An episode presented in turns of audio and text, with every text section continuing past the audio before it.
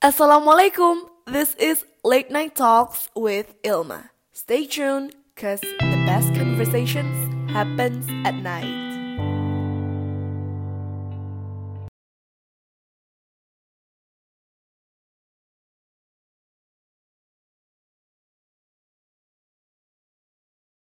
Halo teman-teman semua, kembali lagi di Late Night Talks.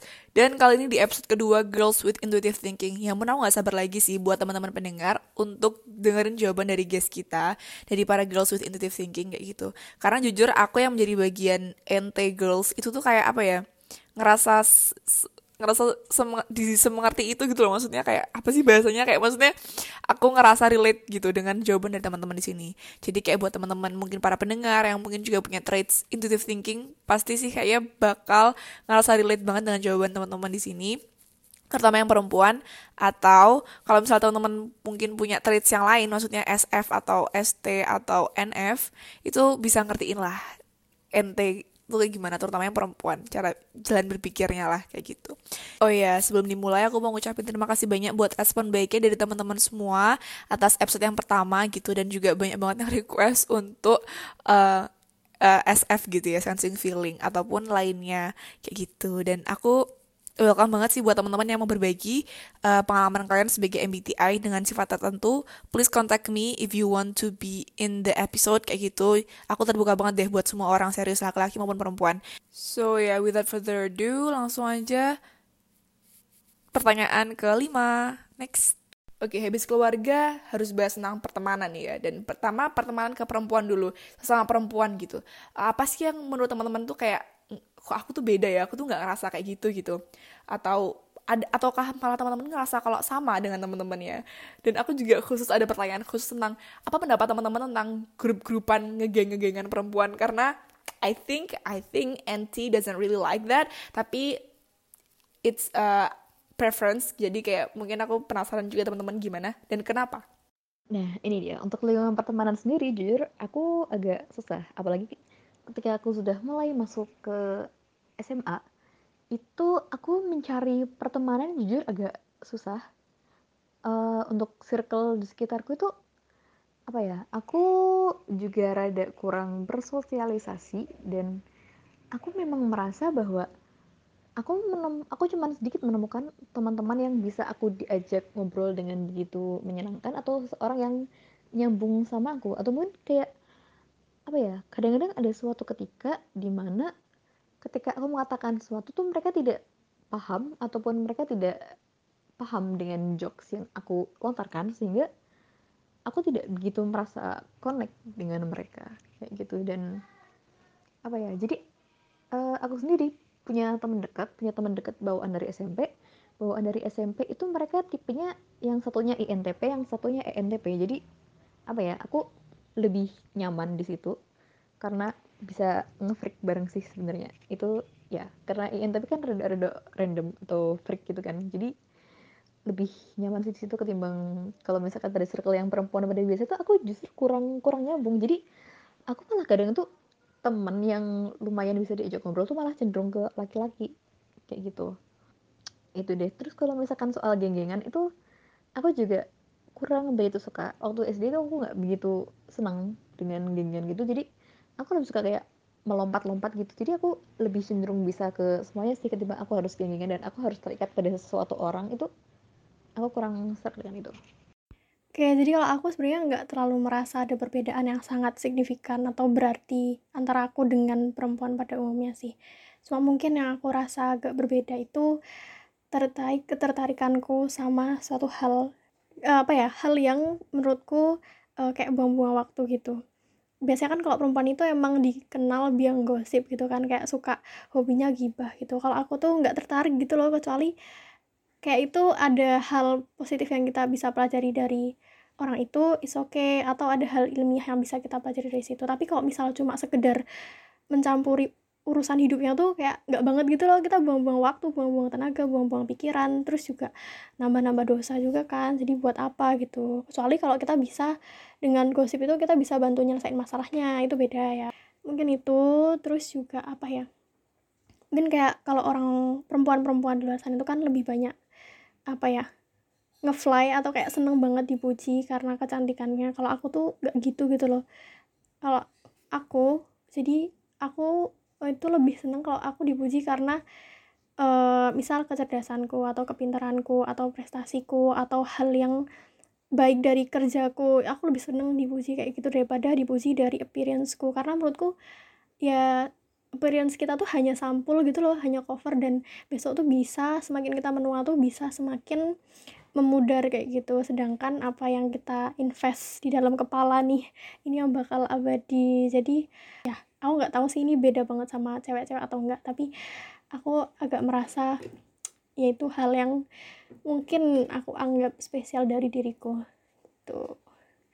Terus pendapatku tentang geng ya. Kalau geng aku nggak tahu sih definisi geng sebenarnya gimana. Cuma kalau menurutku kalau misalnya itu cuma sekedar circle temen-temen deket yang emang mereka kalau mereka punya apa ya personality yang setipe atau apa yang cocok gitu itu nggak masalah sih karena emang setiap orang juga pasti kayak gitu nggak sih? Pasti punya uh, apa ya preference buat uh, memilih teman-teman dekat yang lebih cocok sama dia tuh kayak gimana gitu. Tapi kalau misalnya itu sampai yang membawa apa ya efek negatif ke lingkungan sekitar kayak geng yang terlalu mendominasi terus sampai bullying gitu aku nggak begitu suka tuh karena kalau dari aku pribadi juga dari dulu emang tipikal yang bukan suka geng atau cuma main ke satu circle gitu aku tuh independen banget jadi naturally aku bisa nyambung sama siapa aja dan aku selalu siap buat improvisasi apa pun keadaannya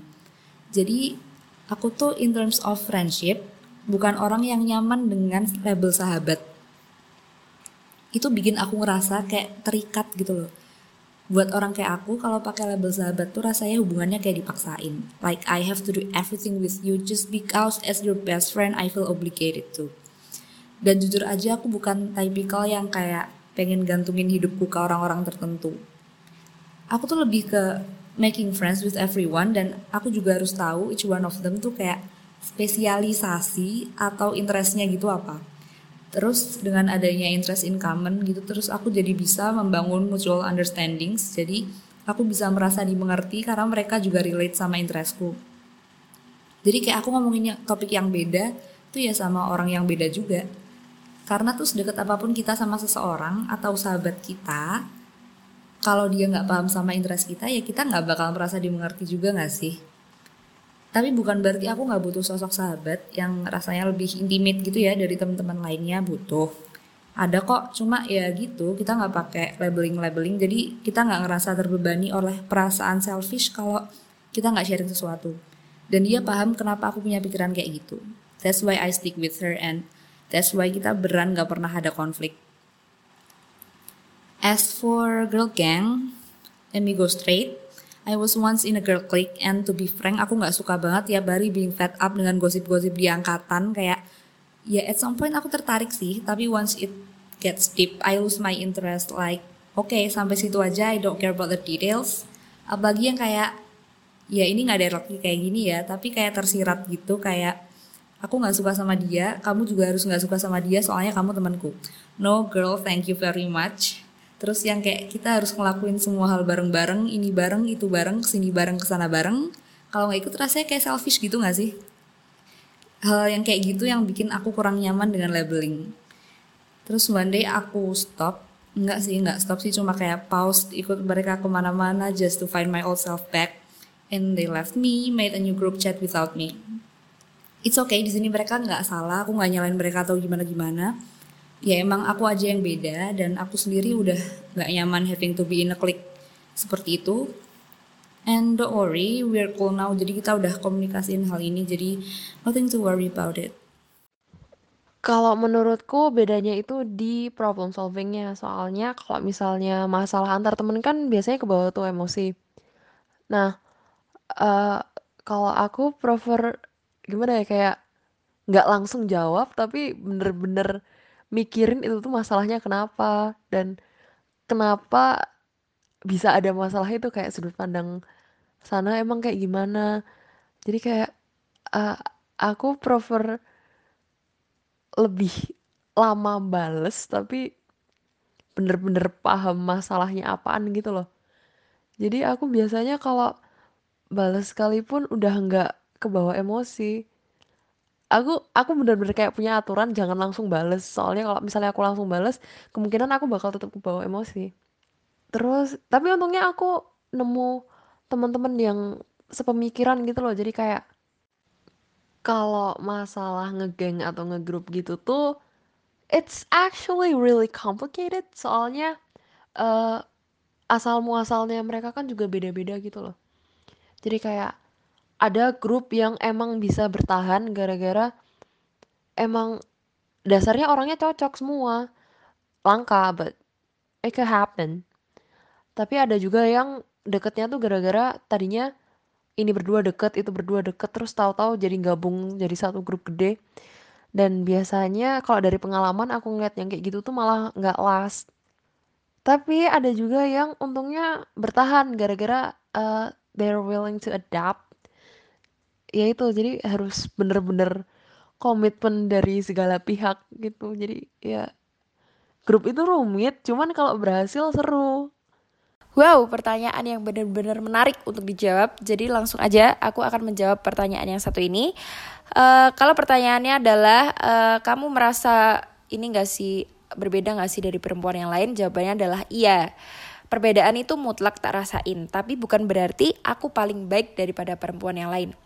Kenapa sih aku berpikir kayak gitu? Itu bermula dari kegemaranku untuk mengobservasi sekitar, melihat gerak-gerik manusia, terus tingkah laku manusia, dan rutinitas orang-orang tuh ngapain aja sih kayak gitu. Mostly teman-teman perempuanku masih takut untuk mengambil keputusan, untuk berani bertindak sebagai perempuan, untuk gak lagi menjadikan lingkungan sebagai sarana yang harus dibahagiakan. Padahal diri sendiri yang harus dinomorsatukan gitu loh. Gak semua perempuan juga berani mengambil keputusan atas dirinya sendiri. Uh, mungkin ada ketakutan-ketakutan atau tekanan yang ada. Uh, itu terasa terlihat gitu loh, nyata banget di hati dan pikiran perempuan ada beberapa hal yang mau aku tekankan, terutama buat para pendengar nih yang sebelumnya aku juga pernah sampaikan hal yang sama ke teman-teman yang lain. Bahwa setiap manusia punya kelebihan dan kekurangan yang gunanya itu untuk mendongkrak ke depannya kita mau jadi seperti apa.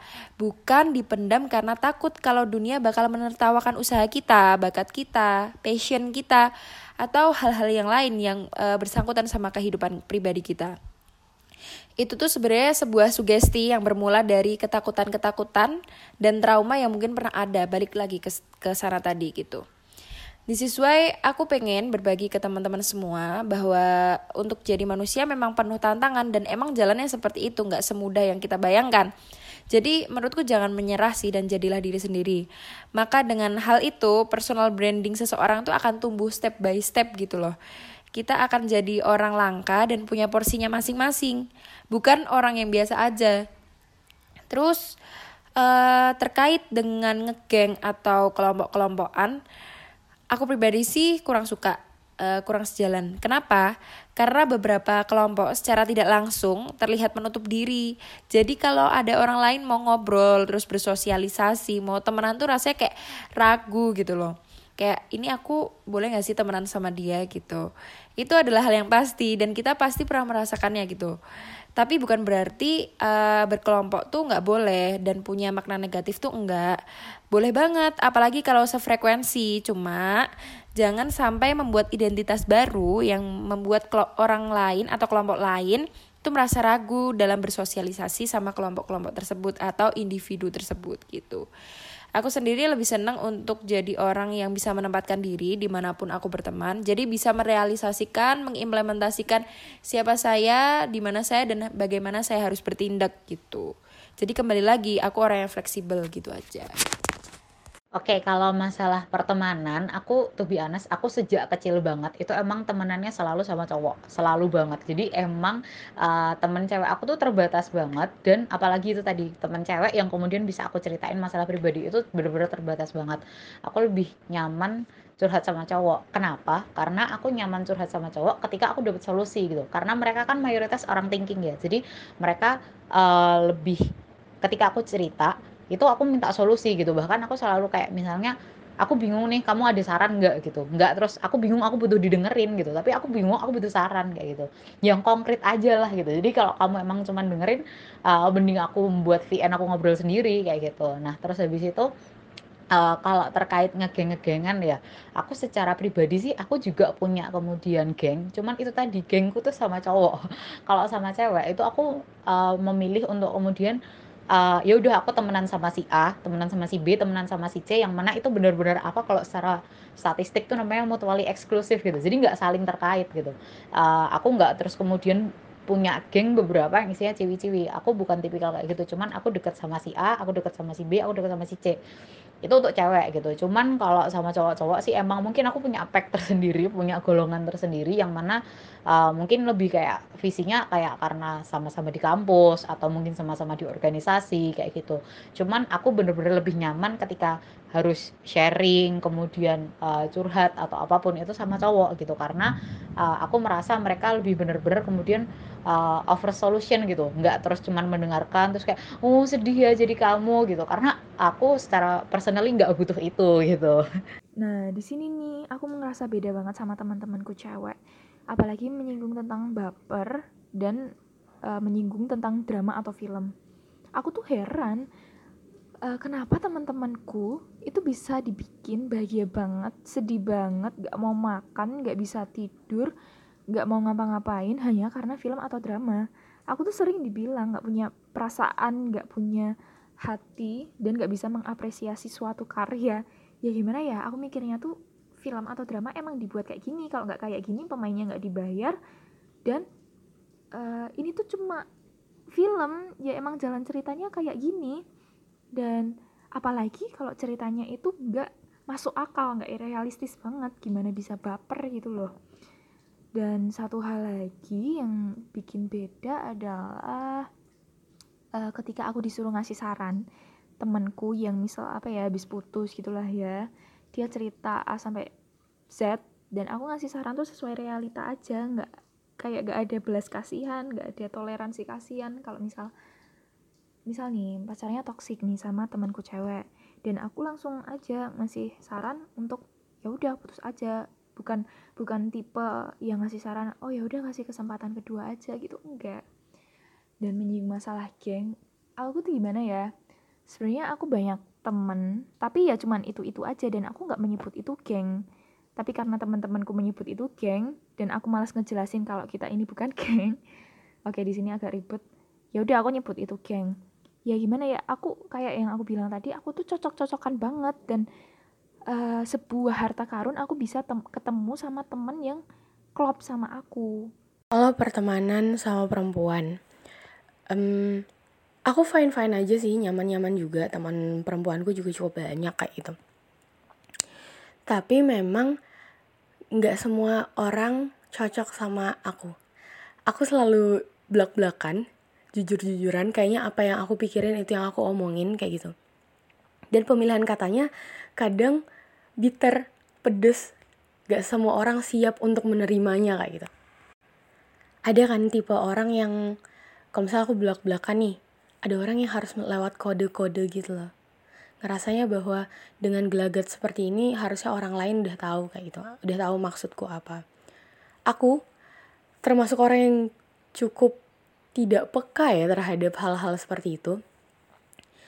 Jadi aku ngerasa kalau misalnya ada masalah ya omongin ke gue kalau misalnya lo nggak ngomong apa-apa ya berarti gue anggap nggak ada masalah nih kayak gitu. Jadi ya gitu sih agak-agak milih agak bukan milih-milih ya lebih ke seleksi alam juga. Ada yang cocok sama aku yang kayak gini ada juga yang waduh kayaknya kita nggak nyari masalah aja selek mulu kayak gitu. Gitu kalau misalnya berkaitan sama geng di perempuan kalau aku pribadi bukan gak suka tapi lebih ke gak mampu. Gak mampunya gini aku gak bisa ngikutin pace pertemanan geng perempuan tapi yang banyak ya. Kalau misalnya dua orang tiga orang menurutku belum geng banget gitu. Jadi kayak aku kan biasa menentukan apa yang aku pengen itu yang aku lakuin. Aku lagi mood ngapain itu yang aku lakuin kayak gitu. Dan kalau misal di geng kan nggak bisa ya lebih ke uh, kayak ngikutin banyak orang gitu loh. Jadi kayak istilahnya apa ya kalau aku sendiri mengistilahkannya semoga nggak salah kata ya tapi merepotkan. Repotnya gimana? Kayak aku repot aku akan susah ngikutin mereka. Mereka susah ngertiin aku juga. Maksudnya butuh effort lebih gitu terus susah di usaha karena untuk tetap berkomunikasi kan ya mesti uh, berinteraksi ya jalan-jalan kayak gitu. Itu aku kadang males aku orang rumahan banget. Terus maintain relationship dengan segitu banyak orang itu juga aku bukan keahlianku di sana. Dan yang terakhir sih yang jelas masalah duit ya kalau misalnya mau jalan-jalan kan harus ada cuan. Sedangkan aku orangnya pelit gitu jadi nggak nggak apa ya nggak royal jadi ya gitu deh ada ada pilihan-pilihan yang beda kalau tentang pertemanan sama laki-laki gimana? Kayak what do you think about them? Kayak gitu. Terus gimana hubungannya teman-teman sebagai seorang perempuan dengan laki-laki kayak gitu? Apakah uh, aku nggak ngerasa kayak gitu deh? Misalnya aku kayak, kayak ngerasa beda sama teman perempuan yang lain kalau misalnya berhubungan dengan laki-laki kayak gitu. Silahkan. Oke, ini agak nyambung ya sama yang tadi gitu. Jadi emang teman aku itu rata-rata cowok semua kayak gitu. Dan uh, apa yang kemudian dilakukan sama cowok-cowok kayak gitu, itu karena menurut aku pertemanan dengan cowok tuh lebih sangat luas dan menarik gitu. Jadi maksudnya itu bisa bener-bener cerita dari cerita apa yang ada di rumah aku cerita apa yang ada di kampus aku. Kemudian bahkan sampai kayak uh, apa ya kalau bahasanya orang Jawa tuh daki-daki gitu. Kita ngomongin Indonesia kita ngomongin politik kayak gitu. Orangnya nyaman gitu. Sementara kalau ngomong sama cewek itu kadang-kadang aduh aku udah gak ngerti desa kalau ngomong kayak gini kayak gitu. Dan itu yang menurut aku kadang-kadang kayak aduh udahlah males kayak gitu. Kalau kamu memang nggak bisa diskusi terkait kayak gini gitu. Jadi uh, itu yang benar-benar membuat aku pilih-pilih teman banget sama cewek gitu. Dan uh, apa ya nah ini nih yang paling beda itu antara aku dengan cowok itu nggak terus kemudian gampang baper gitu. Aku agak risih ya sebenarnya sama cewek-cewek yang benar-benar ketika di chat cowok uh, terus habis itu apa uh, storynya di reply sekali terus habis itu kayak misalnya ada apa dikit langsung kayak baper oh ini jangan-jangan cowoknya suka sama aku dan seterusnya gitu. Uh, aku bener-bener orangnya bener-bener hampir les baper banget kayak gitu sampai uh, ya itu sih jeleknya. Jadi kadang-kadang terus bisa bener-bener apa ya uh, deket tapi nggak terus dalam artian deket secara personal aku suka kayak gitu. Karena aku itu tadi aku nggak gampang dibaperin sama cowok gitu. Jadi kayak ya udah gitu. Uh, dia mau reply story aku dia mau uh, ngapa-ngapain juga ya aku nggak baper kayak gitu. Nggak ada terus merasa kayak aduh aku diperhatikan secara khusus nih kayak gitu. Itu enggak kayak gitu. Dan aku bener-bener nyaman untuk kemudian diskusi yang menurut aku lebih membangun kayak gitu. Kayak ngobrolin hal-hal yang uh, sifatnya kita uh, talk about ideas kayak gitulah. Bukan yang talk about people kayak gitu. Kok talk about people emang nyamannya sama cewek sih sebenarnya. Untuk pertemanan sama laki-laki ya uh, jujur ada saatnya aku lebih nyaman berteman sama laki-laki. Terutama waktu kecil sih kayak dari SD ke SMP gitu. Aku ngerasa lebih nyaman berteman sama laki-laki karena mereka kan um, ngikutin logika rasionalitas kayak gitu. Dan cocok sama aku yang juga sama kayak gitu um, terpengaruh juga sama pengalaman waktu kecil kali ya. Mungkin agak cerita dikit. Contohnya adalah ketika kami uh, kami aku dan sahabat laki-laki waktu SD itu pernah berantem yang berantem abis-abisan.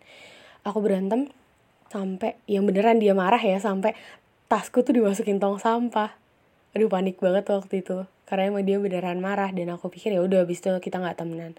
Ternyata siangnya waktu dia udah tenang kita udah main bareng lagi juga sekelas dia jadi orang pertama yang mengucapkan kata maaf kayak gitu. Padahal yang salah aku kayak gitu. Tapi emang yang lebih parah marahnya sih dia jadi gitu. Semenjak saat itu aku ngerasa kayak emang lebih gampang. Jadi lebih bukan lebih menyenangkan tapi lebih gampang lebih mudah buat aku untuk berteman sama laki-laki lebih gampangnya apa? Kayak lebih nggak repot masalah drama pas berantem. Karena aku juga punya sahabat perempuan waktu SD yang kami berantem seminggu tuh nggak selesai. Sedangkan sama teman sahabatku yang cowok ini uh, apa ya nggak nyampe sehari udah udah malah dia yang minta maaf duluan kayak gitu. Dan sampai SMA juga sih ya. Mungkin aku kalau misalnya lewat chat uh, lewat uh, online di dunia maya itu nggak terlalu intens kalau misalnya berteman sama teman-teman yang laki-laki tapi emang kalau misalnya pas real life mungkin pas SMA pas sekolah kelihatan kalau aku tuh uh, nyaman gitu loh berteman sama laki-laki dan teman-teman yang perempuan juga banyak yang nanya kok bisa teman laki-lakinya banyak tapi nggak baper? kayak gitu kalau menurutku sih sama aja cuman ya ada perbedaan gara-gara mereka laki-laki. So I can't really discuss some topics with them gara-gara mereka nggak relate. Tapi ya kayak cuman sebatas gitu doang. Kalau misalnya masalah komunikasi masih sama aja. I really don't know what else to say. Soalnya emang kurang lebih itu sama aja dan kalau misalnya curhat ya curhat. Kalau misalnya ngobrolin apa ya ngobrol I really don't know I really don't know what else to say I have to be honest here, aku ngerasa lebih bebas ngekspresiin diriku sendiri pas aku sama teman-teman cowok, terutama sesama nerds, karena Nggak tahu ya, adanya kalau sama mereka tuh cuma bercanda, hahihi, memes, oh my god, we all love memes and dark jokes. Itu things yang aku nggak bisa share sama temen-temen cewek. I have to admit humorku kadang-kadang inappropriate and the boys just get it and they laugh with me. Tapi aku nggak kelingi juga sih sama temen-temen cowok biasa aja. One more thing yang bikin aku lebih nyaman sama mereka adalah I don't have to struggle kayak misalnya mereka curhat ke aku tentang masalahnya mereka. Terus di masalah itu menurutku mereka yang harus introspeksi ya aku langsung ngomong right away aja nggak perlu mikir kayak emotional consequencesnya gitu karena naturally cowok itu nggak baperan ya jadi input apa pun kalau make sense di mereka ya make sense aja aduh bingung banget nih jawabnya karena teman-temanku laki dikit banget bisa dihitung pakai jari uh, tapi kan gini loh cowok tuh pasti ada yang dari awal gelagatnya emang kayak mau deketin dan juga ada temen cowok yang uh, emang kita nih partner dalam sebuah uh, acara atau kegiatan gitu ya. Uh, Sebenarnya aku langsung ngekat cowok yang dari awal kelihatan udah mau deketin itu sih. Gak tahu kenapa kayak kalau dari awal udah kelihatan banget mau deketin aku susah banget ngasih respect ke mereka. Mau bales chatnya itu susah. Tapi kalau aku lebih seneng cowok yang bisa diajak tukar pikiran. Jadi kan ada beberapa nih yang ngomong quotes quotes cewek temennya banyak yang cowok karena dia udah capek sama drama temen-temen cewek gitu kan. Ya uh, bukan membenarkan sih cuman emang dari sononya cowok tuh terlahir uh, lebih logis gitu ya nah di situ ketika cowok menunjukkan uh, pikiran segala pikirannya segala akalnya dan bisa nyambung sama pikiranku di situ aku bisa nyaman sebagai teman untuk berteman dengan cowok. Oke, untuk pertemanan sama laki-laki, kalau aku pribadi sih nggak ada bedanya antara pertemananku dengan uh, teman-temanku yang perempuan sama teman-temanku yang laki-laki itu sama aja. Cuman mungkin aku lebih merasa bahwa ketika aku ngobrol dengan teman-temanku yang laki-laki tuh mereka lebih bikin aku untuk terbuka karena aku merasa bahwa mereka tuh pemikirannya tuh ternyata nggak seperti yang aku pikirkan gitu loh mereka tuh mempunyai pemikiran yang uh, bisa dibilang wah ternyata orang-orang uh, di sekelilingku yang cowok-cowok tuh kayak gini ya pemikirannya. Nggak seperti uh, ekspektasiku sebelumnya gitu. Yang hal paling kaku hal paling kayak yang dipikirin game mungkin atau apa kayak gitu yang nggak uh, nggak relevan banget sama aku pribadi atau teman-temanku yang lain gitu. Tapi ternyata uh, dari teman-temanku ya laki-laki mostly itu kayak mereka uh, memiliki pemikiran yang baik dan kadang aku lebih uh, senang ketika aku cerita sama mereka ketika aku uh, memperdebatkan sesuatu sama mereka dan aku menemukan sudut pandang yang berbeda dari mereka. Uh, karena mereka kalau berbicara itu nggak pakai bisa dibilang nggak sepenuhnya menggunakan perasaan gitu loh. Sedangkan kalau perempuan kan biasanya kalau ngobrol ngomong itu kan pakai perasaan banget. Kadang juga kalau misalnya nggak nggak pas banget di hati tuh kerasanya kayak aduh tadi si A tuh ngomong kayak gitu ke aku aku jadi sakit hati aku insecure dan sebagainya. Nah lalala ya ya ya kayak itu pasti ada. Tapi kalau sama cowok tuh kayak enggak enggak biasa aja. Kayak semuanya kamu dibicarakan dibicarakan aja dan mereka nggak mengambil berat hal itu.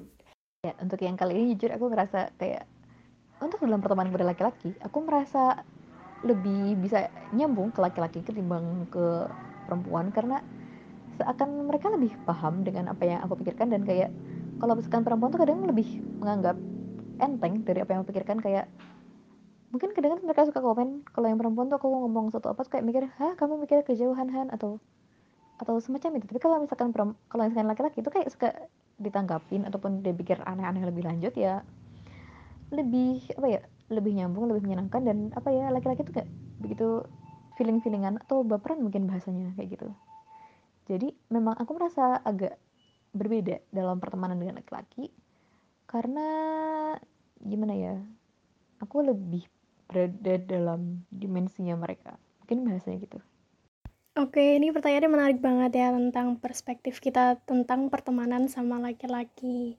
Jadi kalau dari aku yang berkepribadian kayak tadi, yang mengutamakan logika di atas perasaan, jujur aku kadang-kadang malah lebih ngerasa klop sama laki-laki gitu loh dalam berbagai hal, misal kayak diskusi atau bahas sesuatu yang happening atau bahkan curhat gitu ya.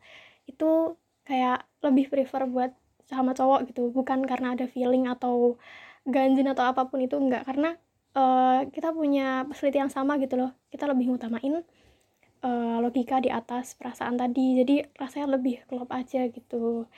Nah itulah kenapa aku misalnya lagi ada masalah gitu juga kalau misal lagi butuh solusi aku lebih prefer ke cowok.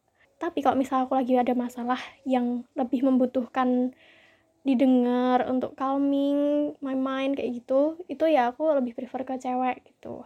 Jadi kalau menurutku pertemanan antara cewek dan cowok tuh nggak masalah sih karena ya cowok tuh punya hal yang apa ya lebih daripada perempuan. Kita punya kelebihan dan kekurangan masing-masing gitu. Jadi nggak ada salahnya terus kalau kita bahas tentang pertemanan nggak lepas dari kuliah nggak lepas dari sekolah kayak gitu ya. Dan gimana sih biasanya dalam grup task atau tugas kelompok kayak gitu? Teman-teman tuh biasanya berperan sebagai yang ngapain gitu. Apakah sebagai yang ngerjain tugasnya atau malah yang apa namanya nebeng? Atau atau gimana nih? Tolong jelasin dong. Oke, bicara tentang uh, ruang lingkupnya ini adalah pendidikan ya. Kalau sekarang berarti di kampus uh, dengan teman-teman kuliah, dengan teman-teman kelas, aku biasanya kalau misalkan dikasih tugas kelompok, tugas individu, terlebihnya tugas kelompok ya aku lebih dominan di uh, pengarahan terus organizing planning dan sebagainya jadi aku orang yang suka uh, bisa dibilang sih uh, memberi masukan dan juga arahan. Kalau misalkan materinya 1 sampai 10, ya nanti A kamu dapat 1 sampai 3, B kamu dapat 4 sampai 6, terus C kamu dapat 7 sampai 10 ya, kayak gitu. Jadi lebih suka untuk mengarahkan kemudian mengevaluasi. Sering banget nanya kayak ini yang belum apa ya? Ini yang kurang apa ya? Ini apa yang harus dievaluasi? Ini apa yang harus dibenerin? Dan sebagainya. Pokoknya ini aku pernah sempet tanya sama temanku kamu first impressionmu ke aku kayak gimana sih? Kayak gitu. Cerewet banget sumpah kayak gitu. Kayak tapi mereka juga bilang kalau misalkan aku menghandle itu Eh, nggak uh, akan kececeran gitu loh nggak akan tercecer gitu. Terus aku juga nggak suka nih sama orang-orang yang suka uh, menunda pekerjaan. Kayak misalkan ini kan pekerjaannya harus dikumpul jam 12 uh, eh, malam nanti tapi uh, kok jam 9 aja belum selesai kok hamil satu aja belum selesai. Kadang tuh aku merasa kayak kok gitu sih kalian kok gitu sih kamu tuh? Kadang aku tuh kayak pengen marah gitu. Sempet kemarin beberapa waktu yang lalu aku marah sama salah satu temanku. Salah dua temanku malahan. Uh, aku bad mood karena aku udah udah ngejar-ngejar mereka untuk ayolah ayolah ayolah. Jadi kayak uh, tolong tolong gitu. Ini untuk kebaikan bersama agar kita bisa mendapatkan nilai baik dengan predikat baik kayak gitu jadi uh, peranku di sana adalah sebagai orang yang mengarahkan terus memberi masukan terus kayak uh, bukan aku doang gitu yang ngerjain. Aku nggak mau kalau misalkan aku di manfaatkan untuk mengerjakan tugas seorang diri oh no big no big no gitu. Uni orangnya gatel banget kalau ada orang yang pasifnya kebangetan dan nggak ngerjain tugas atau bisa kita bilang membebaskan diri dari tugas-tugas. Nah di situ aku bisa, ih gimana ya sampai yang sebel banget. Tapi aku tetap ngechat kok. Jadi nggak cuman memendam nggak cuman gatal-gatal doang nggak ngelakuin apa-apa nggak. Tapi aku juga menegur uh, dan ngomongnya tuh beda banget sama yang tak pendam gitu loh. Misal aku dipendam udah mangkel banget udah pengen kok kamu nggak ngerjain sih? Gitu pokoknya udah mangkel banget. Tapi yang tak ketik itu bisa halus banget itu eh kamu kok nggak ngerjain tugas? Ada acara apa? Gitu. Pokoknya sangat berbeda cara aku berkomunikasi ke orang yang malasan tersebut sama yang tak pendam tuh beda banget. Untuk masalah mengerjakan tugas tuh kadang-kadang tuh aku rada rada perfeksionis. Mungkin kalau misalkan kayak masih di awal aku kayak rada perfeksionis dan aku cenderung suka procrastinating.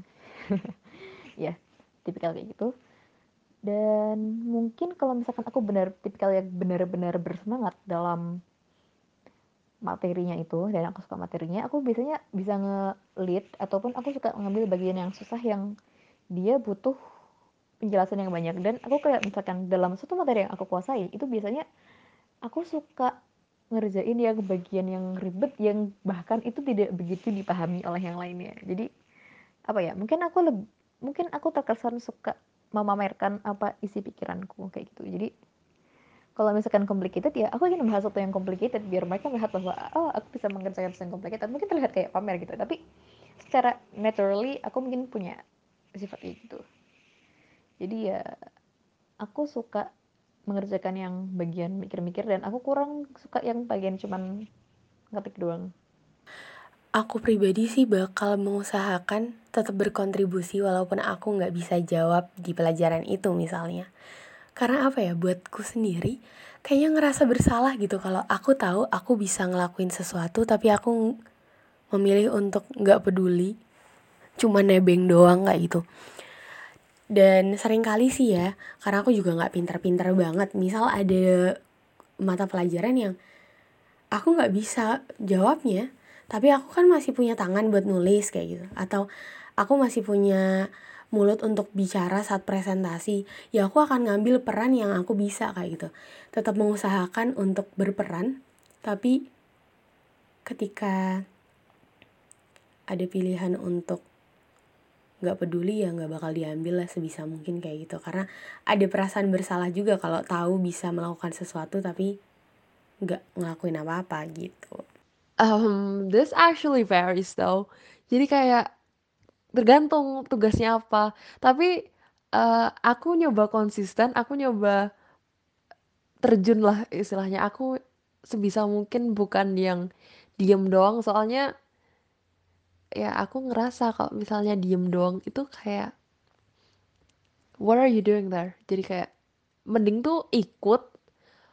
Kamu coba cari tugas yang kamu bisa. Kalau enggak ya sebatas nebeng bantuin gitulah. Minimal minimal nebeng bantuin. Soalnya jujur aja aku juga nggak mau jadi nggak berguna gitu. Tapi juga pernah aku pasangan sama orang gitu dan aku yang dorong buat nyelesain tugasnya. Soalnya um, pengalaman kalau misalnya nggak ada yang dorong nggak bakal selesai gitu loh. Jadi kayak why not me? Ya udah aku yang mulai Oke, jadi sesuai dengan kepribadianku tadi yang INTJ dan INTJ atau commander, aku lebih sering kayak jadi yang melider gitu loh, jadi yang memulai mulai diskusi, terus yang ngarahin nanti kita ngapain-ngapain aja, pembagiannya gimana kayak gitu. Terus uh, kita gimana follow up-nya kayak gitu. Tapi dengan catatan menyesuaikan dengan kondisiku pribadi dan prioritas yang lagi aku pegang kayak gitu. Misal aku emang lagi prioritas ke akademik nih terus aku mau bagusin nilaiku. Ya aku pasti bakal berusaha buat ngeorganisir kelompok tugasku atau kelompok kuliahku dengan baik gitu loh biar aku bisa mencapai tujuan besar itu bersama-sama kayak gitu. Biar bisa dapat nilai bagus semuanya gitu. Karena seperti yang aku bilang tadi aku nggak terlalu seneng uh, segala sesuatu dilakukan dengan slow progress. Jadi kalau bisa tuh kita segera nyelesain gitu loh. Kayak ya kalau bisa lebih seefisien mungkin. Misal nggak bisa bahas bareng ya mungkin dibagi aja gitu biar kita bisa langsung selesai langsung kelar dengan hasil yang maksimal kayak gitu. Jadi intinya kadang uh, aku lebih sering jadi yang uh, commander tadi. Cuma itu tergantung sama tadi situasi dan prioritas. Kalau misal situasi aku lagi kewalahan atau lagi banyak hal yang harus diurus sometimes aku juga jadi uh, apa istilahnya ilmu tadi yang nebeng gitu ya. Karena nggak mungkin kan segala hal mau kita handle mau kita semua yang pegang tuh nggak mungkin. Jadi uh, itu salah satu bagian dari caraku buat menjaga biar aku nggak gila gitu loh guys. Karena kalau semuanya dipegang itu stres nanti. Jadi uh, kita bisa delegate lah bisa mengandalkan teman-teman yang lain yang pasti juga kompeten gitu. Nggak semuanya harus kita kayak gitu tapi uh, secara garis besar ya dalam hal apa pun biasanya aku kalau aku excited sama hal itu atau kayak aku punya ambisi yang besar dalam hal itu aku berusaha buat ini sih uh, ya memulai memfollow up dan lain-lain. Kayak misal di organisasi kayak gitu. Tak usahain tuh kayak kalau bisa kita berinisiatif biar cepet gitu loh kerjanya uh, progresnya kenceng kayak gitu Oke, kalau grup tas ya, itu jujur sering banget kalau misalnya emang milih sendiri. Kalau emang milih sendiri dan aku kedapatan sama temen aku yang emang pinter banget, ya udah gitu. Dia emang tipikal, aku punya temen yang emang dia pinter banget dan dia tuh akan lebih nyaman ketika kita ada di situ tapi kita nggak ngapa-ngapain. Ya udah aku nurutin gitu. Cuman aku nggak bisa ninggalin uh, grup tas aku dan aku tidur aku ngapain dan meninggalkan kewajiban gitu nggak bisa. Cuman kalau emang teman aku menghendaki aku tidak banyak membantu aku membantu cuman kayak ngetik-ngetik. Uh, misalnya kayak uh, kalau di tempatku kan misalnya ada uh, analisis gitu kan. Analisisnya nanti uh, pakai software statistik kayak gitu-gitu uh, mungkin aku nanti bagian yang depan-depan literatur review nulis pendahuluan kayak gitu. Cuman aku nggak bisa meninggalkan grup task kayak gitu. Uh, even yang dominan adalah temanku. Cuman ketika nih ketika case-nya itu uh, di plotting grupnya itu hampir banget 100% itu selalu uh, aku memang mendominasi kayak gitu.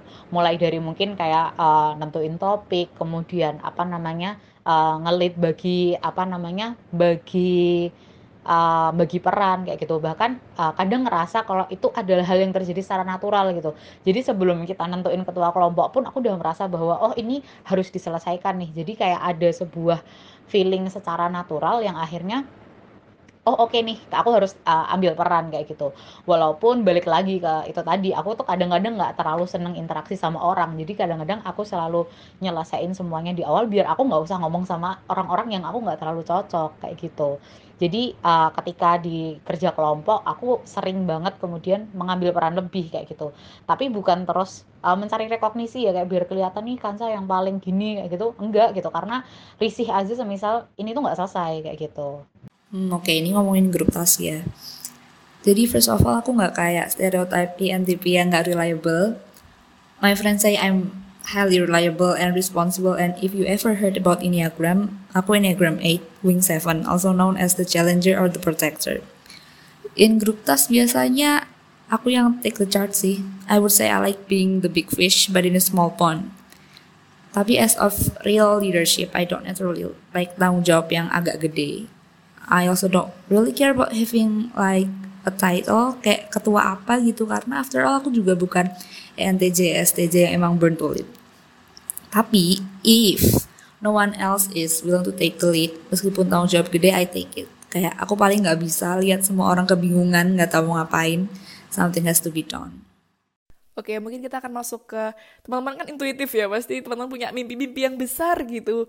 Uh, punya idealisme-idealisme dalam kehidupan yang akan teman-teman anggap penting dan uh, pengen teman-teman raih kayak gitu. Nah, itu apa sih kalau bisa ceritain dong ke teman-teman yang lain gitu. Maksudnya ke para pendengar nih kayak gimana caranya teman-teman merumuskan mimpi-mimpi teman-teman kayak gitu terus gimana caranya meraihnya gitu.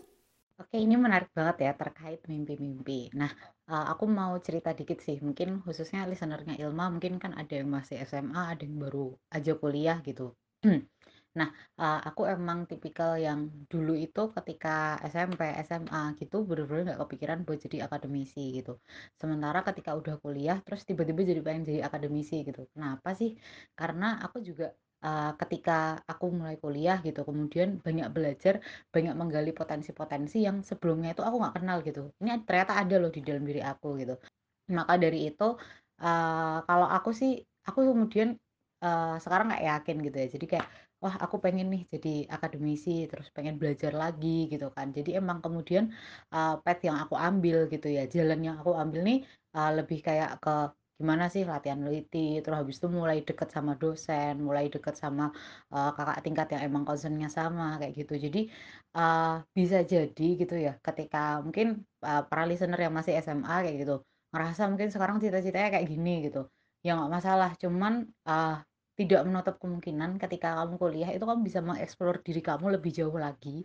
Dan akhirnya muncul sebuah hal yang kayak oh aku nggak tahu nih ternyata ini adalah diri aku kayak gitu.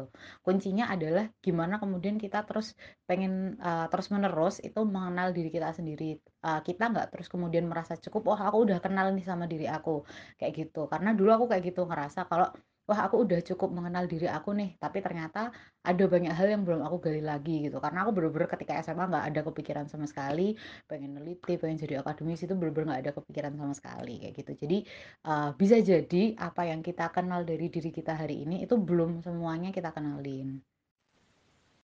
Aku nih sebenarnya orangnya uh, gatel kalau lihat orang yang nggak sesuai sama yang aku mau. Ini agak jahat ya. Cuman kan kita ngomong masalah mimpi nih ya misal aku gatel banget sama orang yang nggak bisa on time. Aku gatel banget sama orang yang malesan. Tapi aku juga gatel banget sama orang yang sakit tapi nggak dapat penanganan yang layak. Sama anak-anak yang kurang kasih sayang. Di sini gatelnya lebih ke iba ya. Dan kalau ngomongin masalah mimpi aku pengen jadi orang yang kaya raya. Ini kayaknya impian semua orang ya di sisi lain kan aku sekolah di fakultas kedokteran yang nantinya akan jadi dokter gitu ya. Aku juga pengen kaya raya. Kenapa? Aku tuh kadang pernah mikir gini loh. Aku pengen punya mobil yang banyak. Pokoknya punya uh, sebuah tempat penampungan sebuah yayasan yang di mana bisa menampung orang-orang yang apa ya kurang perhatian kurang kasih sayang tersebut gitu loh. Dan aku pengen banget gimana ya uh, nolongin orang yang di pedalaman yang masih jauh dari kata layak masih jauh dari ke keadaan kita sekarang. Misalnya ya akan sebagai umat Kristen gitu ya uh, dan di gerejaku ini banyak dari kalangan dari banyak kalangan gitu loh. Dari yang mohon maaf miskin sampai yang kaya. Nah orang-orang yang miskin ini buat transport ke gerejanya itu susah tapi dia kemauan untuk ke gerejanya tuh besar gitu loh. Jadi uh, aku pengen punya mobil yang banyak tuh di salah satunya adalah untuk kayak angkot gitu loh sebagai alat transportasi uh, beberapa orang yang pengen ke gereja tapi gak ada transport dan itu gratis. Itu mimpi kecil sih tapi aku gatel aja ketika halangan mereka adalah hanya sebatas transport yang di mana kita tuh bisa enak banget gojek go go ride gitu segala macam gitu. Dan untuk menggapainya aku tahu ini nggak mudah. Dan aku akan menggapainya dengan caraku sendiri. Aku orangnya gimana ya nggak mau melihat progres orang lain untuk jadi bahan keminderanku.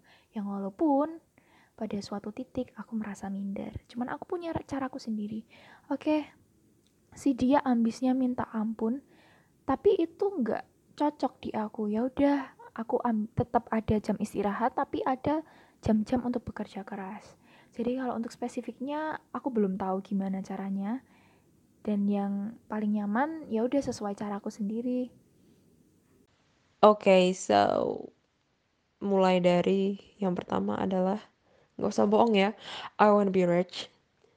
And yeah, yeah, I wanna be rich terus aku pengen belajar skills yang lebih pokoknya. Like aku pengen punya hobi lebih banyak. Terus aku juga pengen belajar bahasa. Soalnya aku pengen banget bisa lebih dari lima bahasa. Cause I think it will come in handy in the future. Terus aku juga pengen jadi orang yang lebih social Soalnya um, me in the past she was really stiff.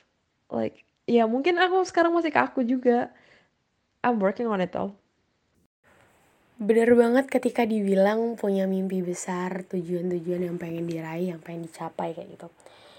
Um, tapi aku pribadi uh, ngerasa bahwa emang mimpi-mimpi tuh sebaiknya nggak diomongin detailnya ya. Kalau misalnya belum dicapai, tapi uh, semoga ini nggak terlalu detail dan nggak bragging juga tapi aku punya mimpi tujuan um, dan apa yang pengen aku raih di masa depan itu berkaitan sama program studi yang aku ambil sekarang di IPB ilmu keluarga Jadi berkaitan tentang ketahanan keluarga Indonesia, berkaitan tentang kedaulatan perempuan, dan well, mulai dari sekarang udah mulai aku rumusin sih. Posisi apa yang aku pengen di masa depan, peran apa yang uh, pengen aku ambil, dan um, untuk bisa pantas di satu peran kan kita nggak cuman butuh ilmu ilmu yang kita bawa ya. Maksudnya um, misal berkaitan ini nggak cuman butuh ilmu tentang perempuan ya ilmu tentang keluarga dan ilmu tentang anaknya misalnya tapi butuh juga mi, uh, kemampuan untuk mana, kemampuan manajerial misalnya kemampuan public speaking kayak gitu. Itu mulai udah mulai aku breakdown aku tulis juga dan sebenarnya apa sih yang bisa aku lakukan untuk melatih kemampuan-kemampuan ini kayak gitu. Dan itu yang aku rumuskan eh, hal-hal apa aja yang udah mulai harus aku latih dari sekarang. Mungkin apa yang akan aku lakukan selama S1 kayak gitu. Setelah S1 aku akan ngapain? Terus daftarnya ke mana aja nantinya? Itu juga udah mulai aku pikirin sih.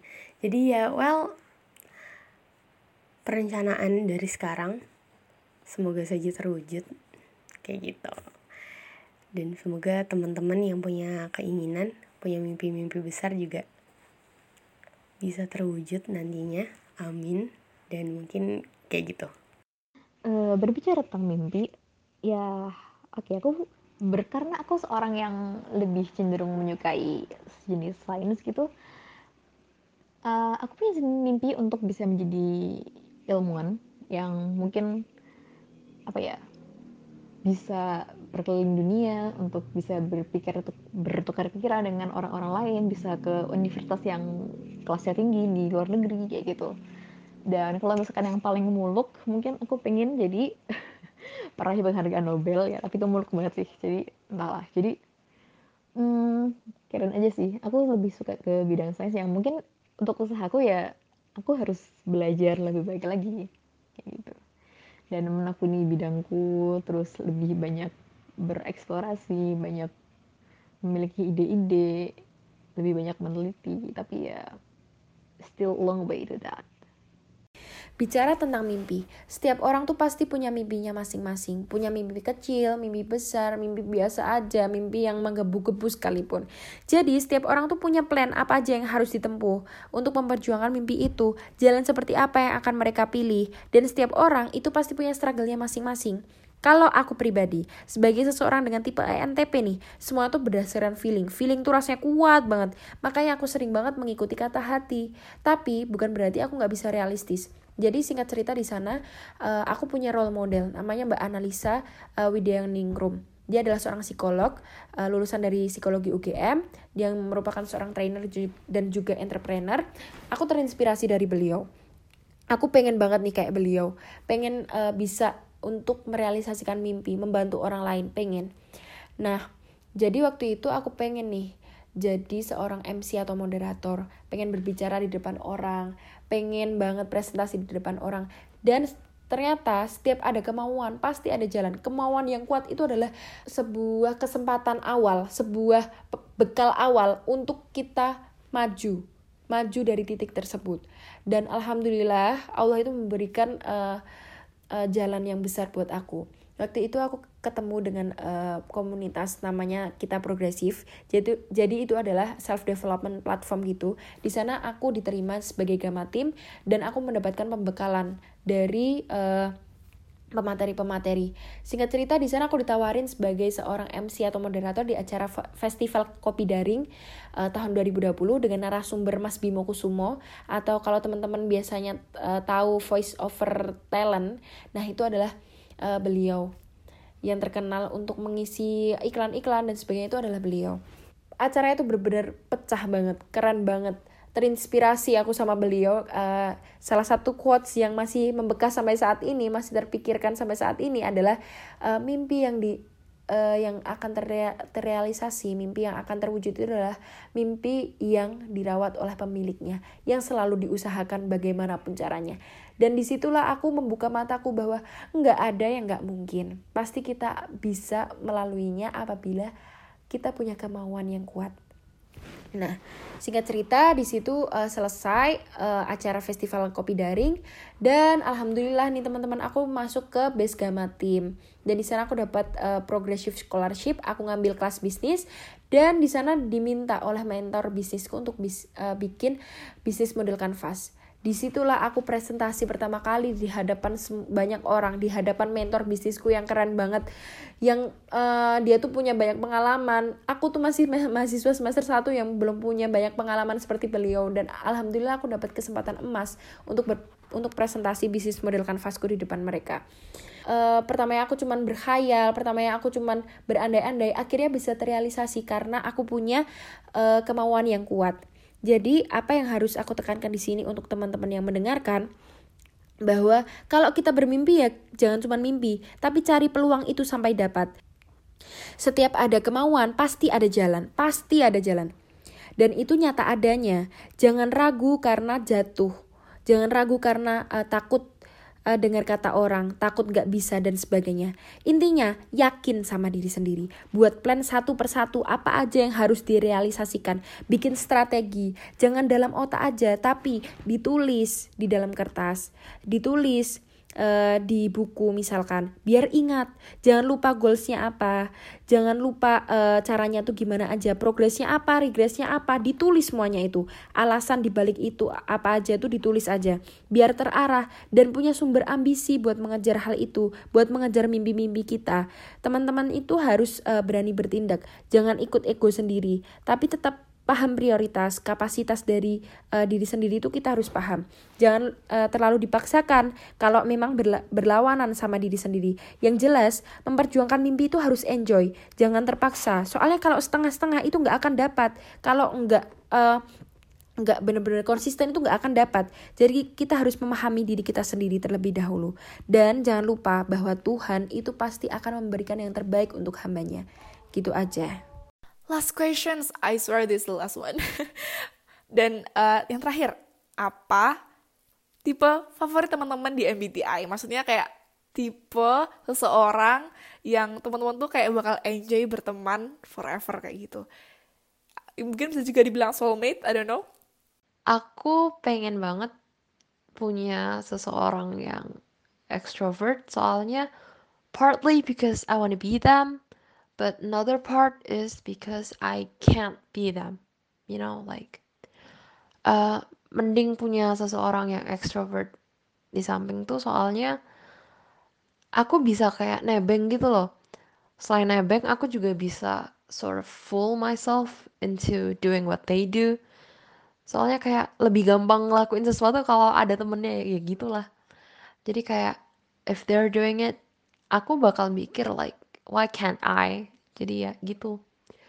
Aku pengen punya temen atau like anyone extroverted near me so that they can influence me to do the same. So yeah. That's basically it.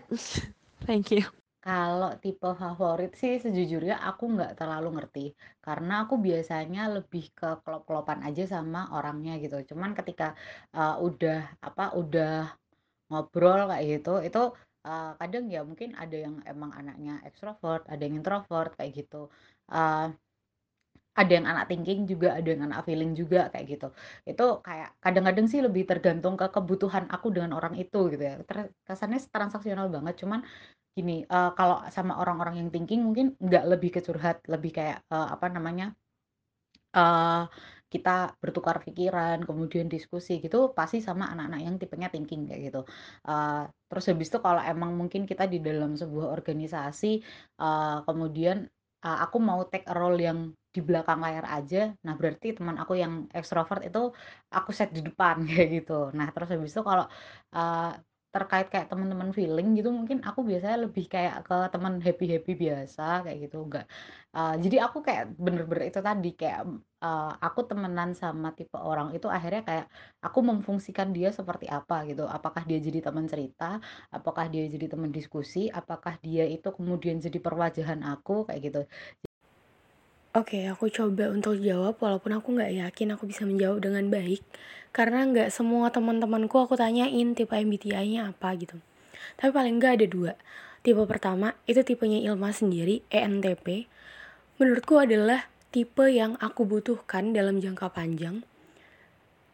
Dalam pertemanan jangka panjang ya tapi kalau misalnya yang tiap hari jalan bareng ngobrol chit chat seru-seruan itu kayaknya bukan. Tapi definisi tipe yang cocok sama kepribadianku juga. Karena kami sama-sama kalau misalnya aku lihat pertemananku dengan Ilma ya kami sama-sama kuat karakternya. Gak ada yang mau ngalah juga. Jadi ketika debat beradu argumen gitu ya udah jor-joran aja. Ini pendapat gue kayak gini pendapat lo kayak gimana ya udah diadu aja terus. Tapi lega jadi kalau misalnya nanti udah emosi terus udah settle down baru deh tuh minta maaf minta maafan. Dan bisa diomongin dengan lebih baik lagi. Jadi kalau misalnya mau damai ya salah satunya harus ngalah. Tapi pas nggak mau damai ya bisa seru banget debatnya. Serunya tuh yang kayak nggak mau aku mau pulang aja kayak gitu. Tapi ya itu aku nggak ngerasa uh, hubungan kayak gini indah terus tapi definisi hubungan yang aku butuhkan. Terus yang kedua tipenya sahabatku N ENFJ hal-hal sederhana di hal-hal kecil kami selalu nggak pernah seia sekata tapi kalau misalnya udah masalah prinsip kami bakal saling support satu sama lain bakal saling melengkapi satu sama lain. Dan ya karena kita apa ya mengerti satu sama lain mungkin kayak gitu. Dan sejauh ini sungguh-sungguh nyaman bertemannya. Ah tipe favoritku jelas INTP karena cuman tipe-tipe INTP atau ENTP atau INTJ yang bisa paham dengan pikiranku. Ya itu jadi kayaknya cara untuk memahami sesama apa ya kita ber, kita berbincang sesama alien. Itulah cara untuk lebih bisa memahami dan kayak mungkin meskipun jadi terlihat seperti bentuk circle sendiri yang ada di dunia orang di dunia lain yang mungkin orang-orang lain tuh nggak paham tapi untuk mencari kenyamanan atau bisa bersama lebih lama itu aku lebih cenderung ke tipe yang itu INTP atau INTP atau INTJ kayak gitu. Itu favoritku sih memang menarik INTP itu. Tipku sendiri dan itu tuh unik freak ilmuwan. Oke okay, aku emang rodo-rodo. Kalau untuk tipe temen dan soulmate aku juga nggak gitu ngerti ya karena aku bukan orang yang selalu nanyain ke teman-teman gitu kamu tipe apa MBTI-nya apa? kayak gitu. Jadi aku sendiri nggak tahu teman-teman sahabat-sahabatku tuh apa MBTI-nya semua aku barusan nanya ke salah satu yang paling deket itu dia ternyata juga INTJ pantes klop banget sampai bobok-boboknya sama gitu. Uh, jadi sebenarnya kalau aku as long as apa ya kita sama-sama bisa memahami tadilah perbedaan antara personality masing-masing nggak masalah sih. Cuma kalau ditanya aku lebih prefer ke kepribadian seperti apa yang paling aku utamain mungkin introvert karena gimana ya karena aku lebih dominan meskipun hasil terakhirku ekstrovert ya tapi aku lebih dominan introvert dan aku merasakan hal itu banget. Apalagi kalau aku bergaul sama temen yang sangat amat ekstrovert aku bisa bener-bener exhausted dan introvert hangover gitu bener-bener capek yang pertama itu introvert. Terus yang kedua menurutku juga yang mengutamakan uh, tadi rasionalitas biar kita kalau ngobrol tuh nyambung gitu loh nggak cekcok. Karena dia ngandelin feeling gue ngandelin logika. Ntar nggak connect dong malah bentrok nanti. Fix INTP atau ENTP itu udah gak ada obat. Udah udah kayak cocoknya bukan main di sisi lain aku merasa dilengkapi dengan ekstrovertnya dia juga dia ini uh, merupakan seseorang yang berwawasan luas dan ingin cari tahu banyak hal yang di mana aku tuh masih agak malu-malu untuk mencari hal yang baru yang harus berinteraksi dengan dunia luar. Jadi perbedaannya aku suka cari hal yang baru tapi aku mengerjakannya sendiri entah lewat web atau research sendiri dan INTP ini kayak cocok aja gitu loh. Buat diajak ngomong tuh enak. Juga dia ya wawasannya luas gitu loh. Dan juga ngerasa dilengkapi banget. Nget nget nget. Kayak uh, aku banyak kekurangan nih ya. Terus si ENTP ini hadir tuh melengkapi banget. Aku merasa sangat full, fulfill dengan hadirnya ENTP ini. My favorite type so far is my own type. Karena siapa sih yang bisa paham diri kita kalau nggak bisa relate? Uh, I think selama ini aku get along with everyone ya. Aku bisa nyambung sama siapa aja, no matter what their type is. Tapi aku paling nyaman, lebih bisa jadi diriku sendiri sama sesama intuitives, terutama entis. Karena mereka gets me, my way of thinking, dan yang paling penting my sense of humor. Dan aku selalu sih kanvas yang mentally and intellectually stimulating dan gak pernah boring yang kadang-kadang blows my mind and get me out of my box. Yang kayak gitu I think selama ini cuma bisa didapat dari teman-teman intuitif jadi kayak karena sesama intuitif gitu ya.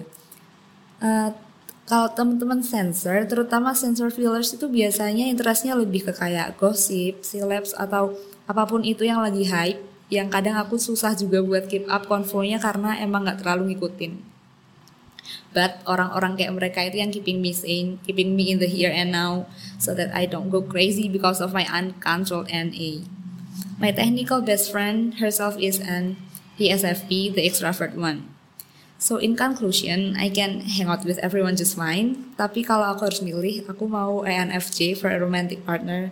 Yeah, I mean the extrovert one. Then for a sidekick, I think INTP or an INTJ.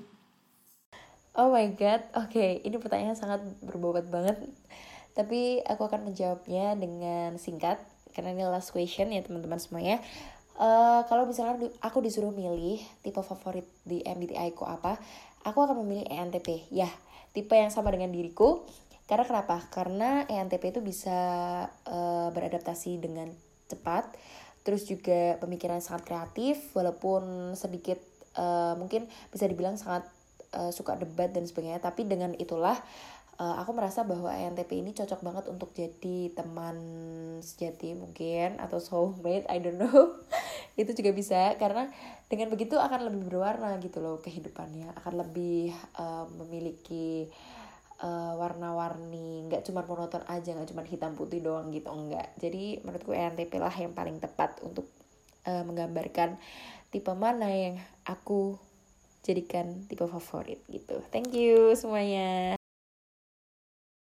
Ya, sekian dari Girls with Intuitive Thinking. Terima kasih banyak buat para pendengar yang udah setia dengerin episode 1 sampai selesai, episode 2 sampai selesai.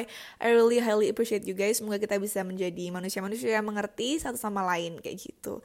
Aku juga terima kasih tentunya buat dia, Hanisa, Mbak Hansa, Meijin, Raras, Rifka, Dek Salma, dan juga Tasya kayak gitu. Makasih banyak udah mau ngisi di episode kali ini kayak gitu. Dan buat para pendengar tentunya terima kasih banyak atas uh, excitementnya kayak gitu ya atas episode ini dan respon-respon baiknya juga. Semoga Night Talks bisa ngadirin lagi obrolan-obrolan lebih menarik lagi dan mungkin juga tentang MBTI kayak gitu ya. Kayaknya udah ada request terbanyak sih buat bikin episode khusus sensing feeling kayak gitu.